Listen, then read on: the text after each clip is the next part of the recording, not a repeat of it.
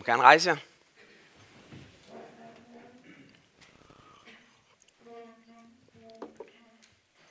Jeg har lige lyst til at sige, inden jeg læser teksten, at øh, jeg tror på, at Guds ord aldrig vender virkningsløst tilbage. Og det er en af grunden til, at vi læser hele teksten, øh, evangelieteksten i dag, selvom at jeg helt klart ikke kommer til at prædike over den første halvdel. Det er sådan, at når man læser de her tre tekster, der er foreslået, altså den gamle testamentlige, og så epistelteksten, og så evangelieteksten, så synes jeg i dag, det ser ud som om, at man har valgt en tekst, som i den første del af evangelieteksten hænger sammen med epistelteksten fra Jakobs brev om tungens magt. Og det har jeg så valgt ikke at prædike over. Og så den anden del hænger sammen med Jonas bog, som I vil se, og det kommer jeg lidt ind på i en prædiken, men primært bliver det over Jonas bog. Men vi læser det hele, for det kan være, at Gud han alligevel har noget at sige til dig, også igennem de vers, jeg ikke skal prædike over.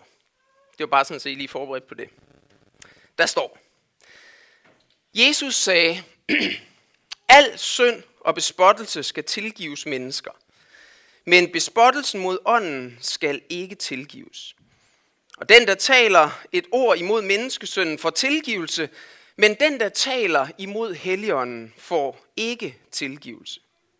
Hverken i denne verden eller i den kommende. Tag et træ, enten er det godt, og så er dets frugt også god, eller det er dårligt, og så er dets frugt også dårlig. For et træ kendes på frugten. Øjleyngel, hvordan skulle I, som er onde, kunne sige noget godt?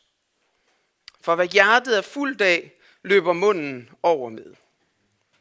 Et godt menneske tager gode ting frem fra sit gode forråd, og et ondt menneske tager onde ting frem af sit onde forråd.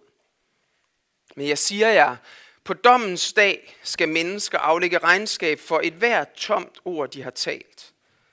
På dine ord skal du frikendes, og på dine ord skal du fordømmes. Der sagde nogle af de skriftkloge og farisæerne til ham, Mester, vi vil se dig gøre et tegn. Men han svarede dem, en ond og utro slægt kræver tegn. Men den skal ikke få andet tegn end profeten Jonas tegn. For som Jonas var i buen på havdyret i tre dage og tre nætter, sådan skal menneskesønnen være jordens skød i tre dage og tre nætter. Men fra Nineve skal opstå ved dommen sammen med denne slægt og fordømme den. For de omvendte sig ved Jonas prædiken. Og se, her er mere end Jonas. Og sydens dronning skal opstå ved dommen sammen med denne slægt og fordømme den, for hun kom fra jordens fjerneste egne for at lytte til Salomos visdom. Og se, her er mere end Salomo. Amen. Værsgo, sidde ned.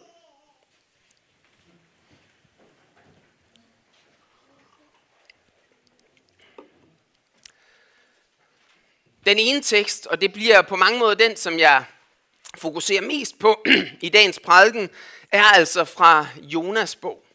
Og den anden, den som vi lige har læst fra Matteus evangeliet, der nævner Jesus Jonas, når han siger, en under utro slægt kræver tegn, men den skal ikke få andet tegn end profeten Jonas tegn. Jeg tænker derfor, det er på sin plads, at vi lige tager os alle sammen med, for at finde ud af, hvad er det, der er med ham her, Jonas. Og vi har allerede fået noget at vide jo igennem Karina, og det er rigtig godt, så det kan være noget af det kommer to gange, og det er fint nok.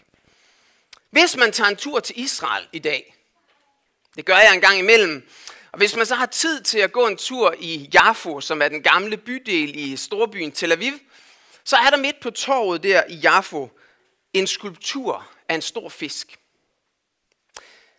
Og det er der, fordi beretningen om Jonas, den begynder der. Og det er så måske alligevel ikke helt rigtigt, at den begynder der. For beretningen om Jonas begynder i virkeligheden med, at Gud kalder Jonas. Og det tror jeg, der er mange ting, der begynder med her i livet.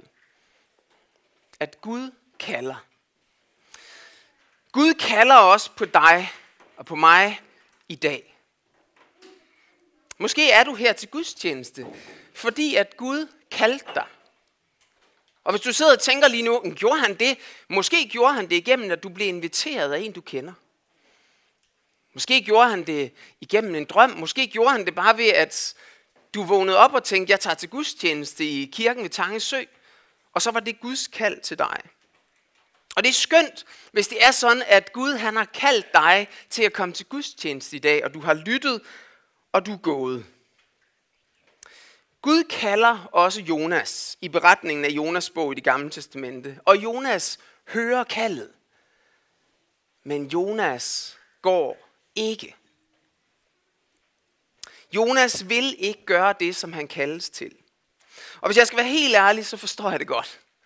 For det var ikke verdens nemmeste kald, som Jonas han fik.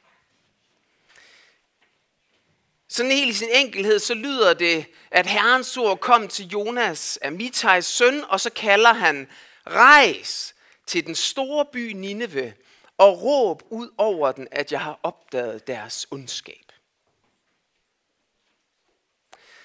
Sådan sagt på godt dansk, så skulle Jonas altså tage til de værste fjender af Israels folk.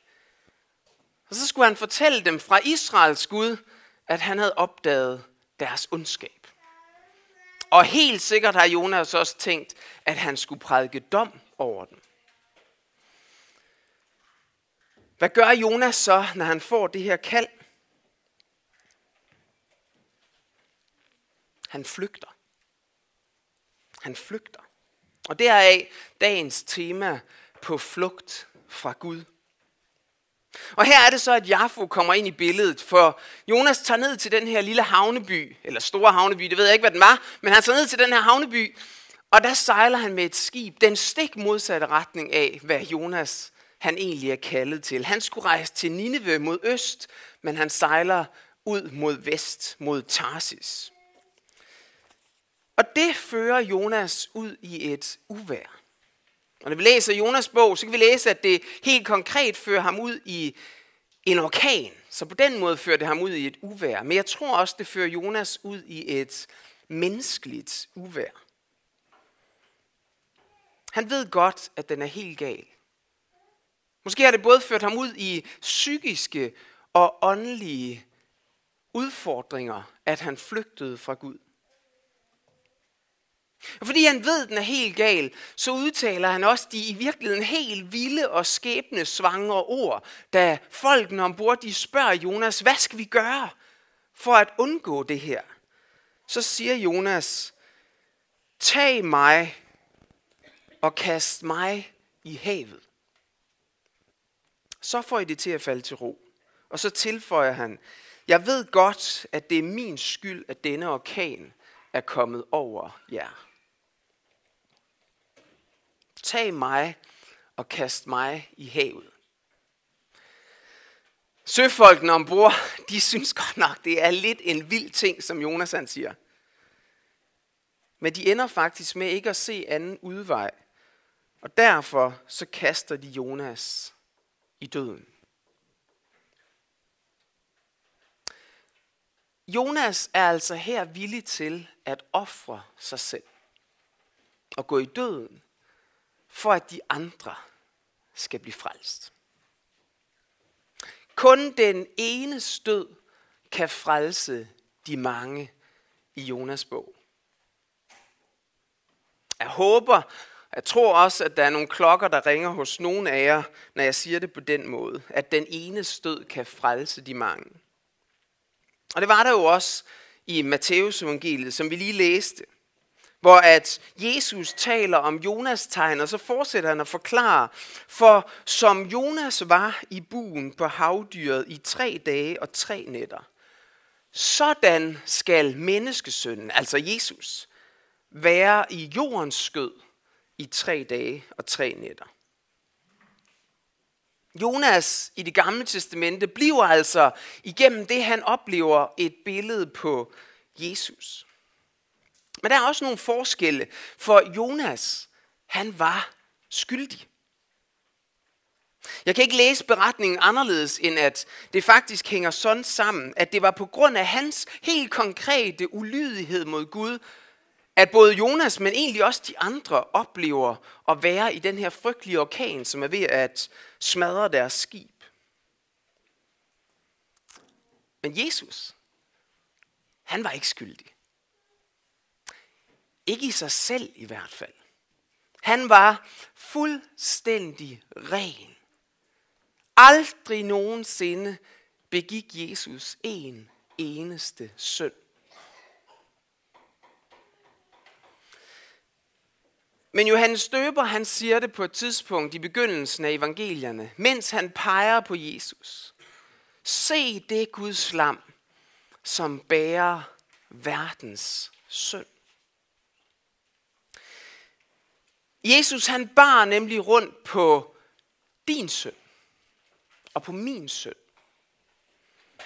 Alt det, som mennesker har gjort forkert igennem tiden, det lå på Jesu skuldre. Så lige der for 2000 år siden, langfredag, da Jesus han blev klynget op på korset, der var han skyldig. Forstået på den måde, at han bar på din og min synd. Al verdens synd. Og kun ved at han, så at sige, blev kastet i havet, kastet i døden, korsfæstet, kun derved kan vi andre få lov til at gå fri.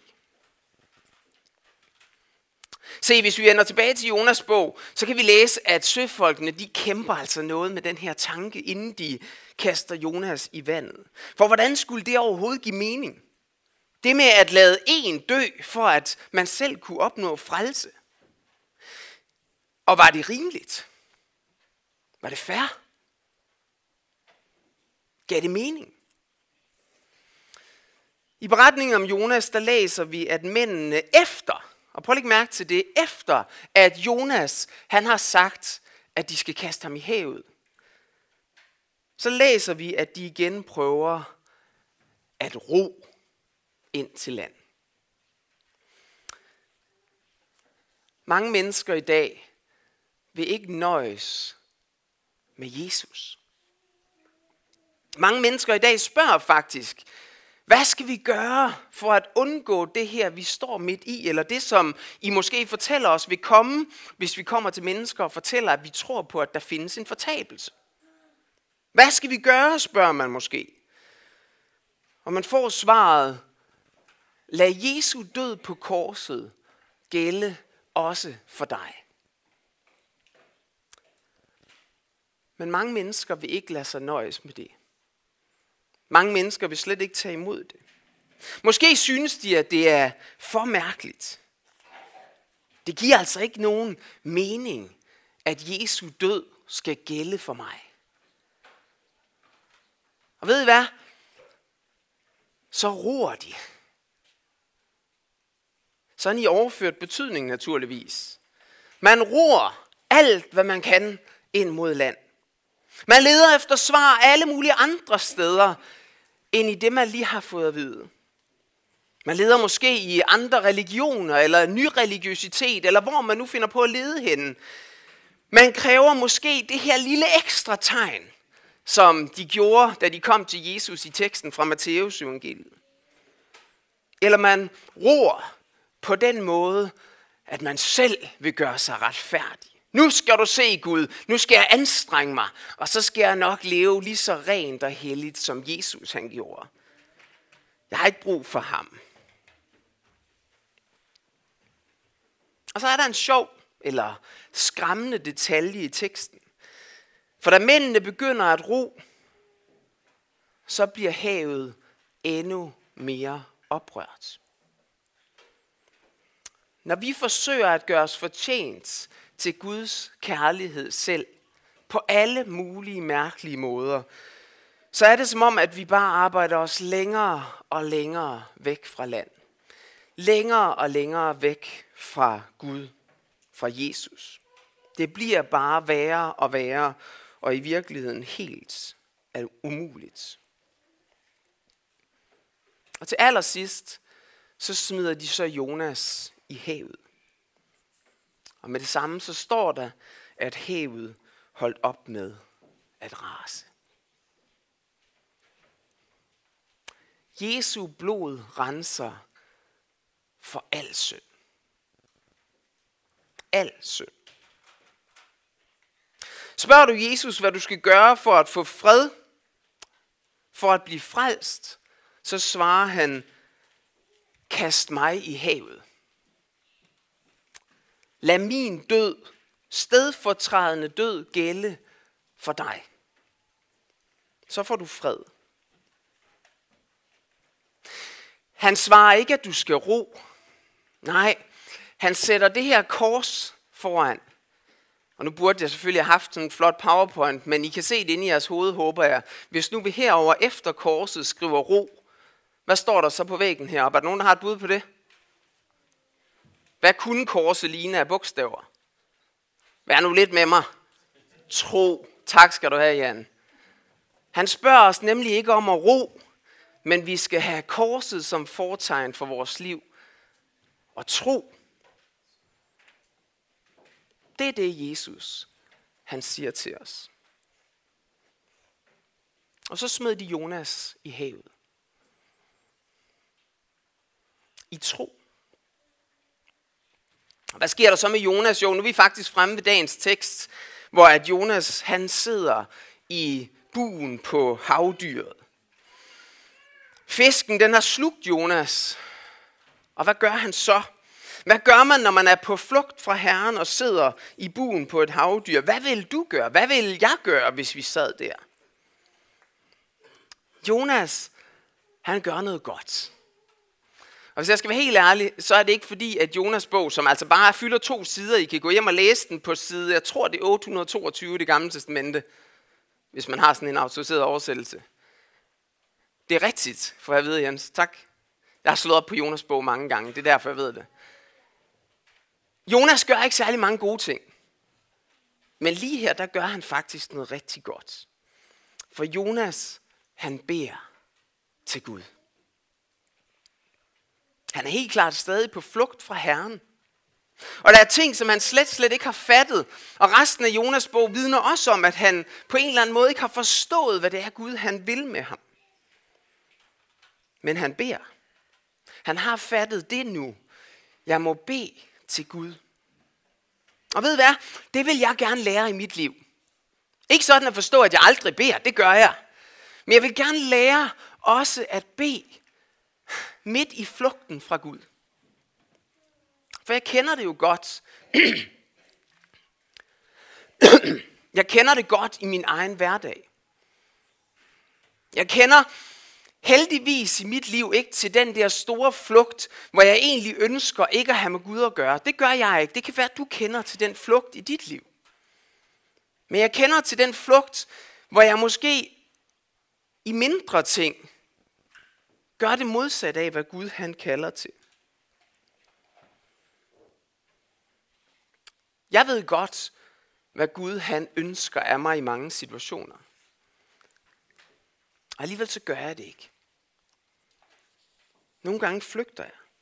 Jeg ved godt, at jeg skal elske min næste som mig selv. Men jeg flygter fra det her kald, når jeg står konkret i det over for et andet menneske. Jeg flygter. Og jeg tror også, at du kender til den flugt, også i det daglige liv, hvis du skal være ærlig over for dig selv.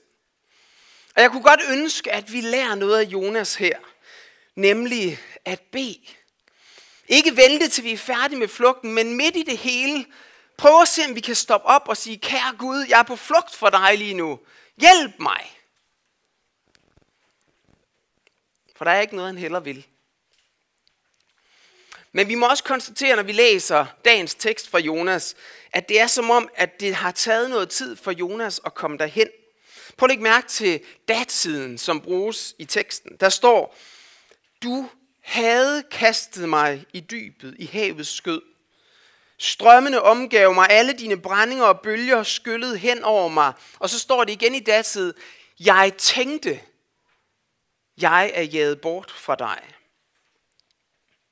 Hvorfor skulle Jonas være i fisken i tre dage?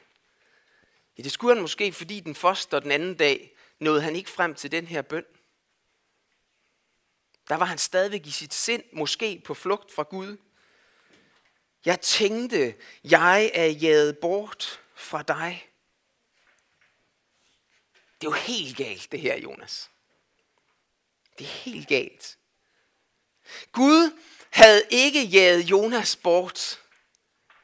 Jonas var på flugt fra Herren. Nogle gange så er det som om vi mennesker bytter helt rundt på fakta i vores liv. Det er os, der er på flugt fra Gud. Sådan helt grundlæggende, siden Adam og Eva har mennesket i virkeligheden vendt sig bort fra Gud, flygtet fra Gud. Vi fødes som fjender af Gud. Vi kalder det for arvesynd, fordi vi har fået det igennem generationer.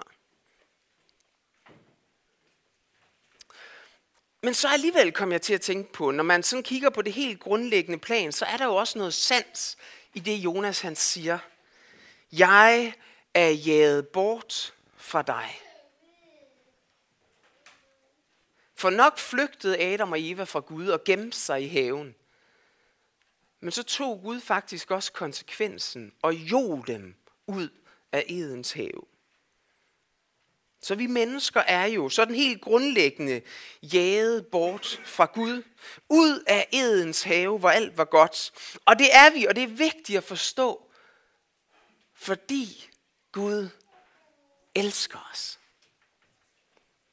Der er ikke noget, som Gud han gør, som han ikke gør ud af kærlighed.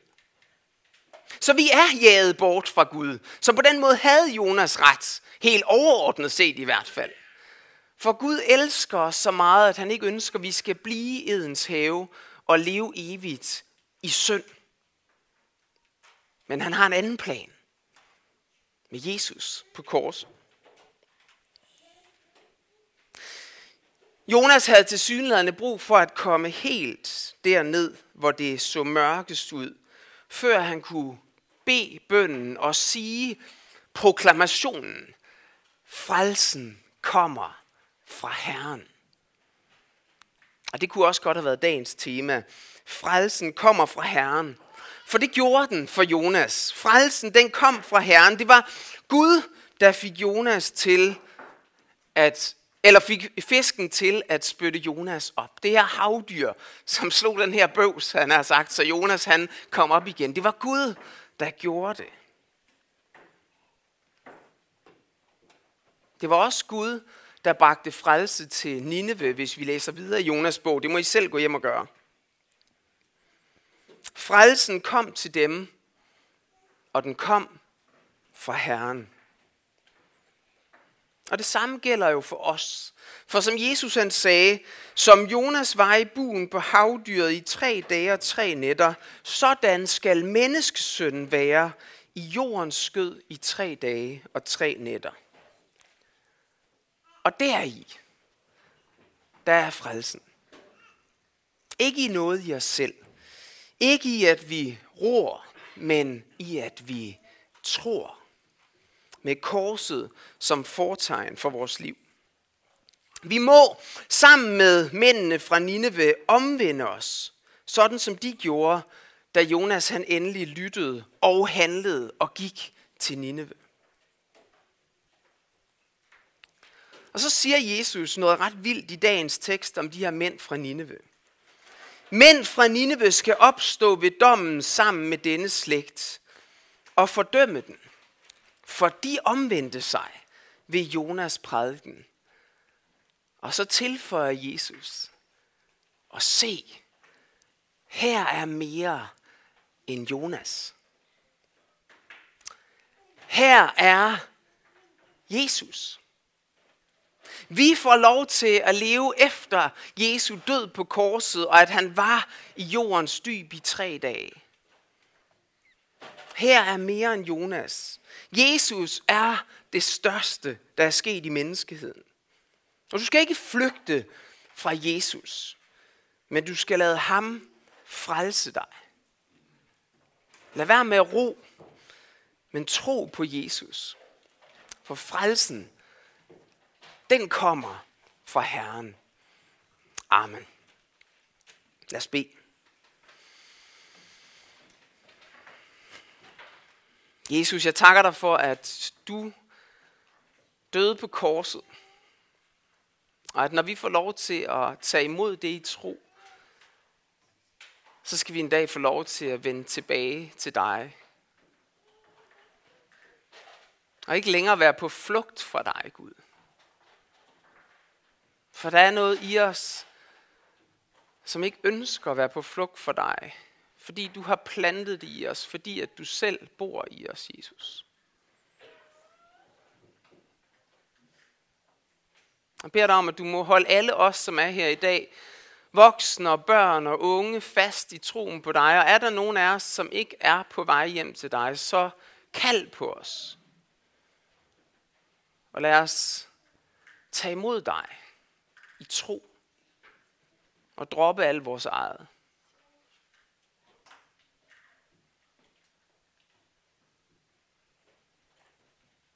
Amen.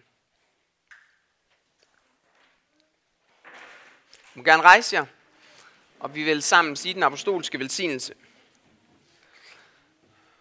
Hvor Herre Jesu Kristi nåde og Guds kærlighed og Helligåndens fællesskab være med os alle. Amen.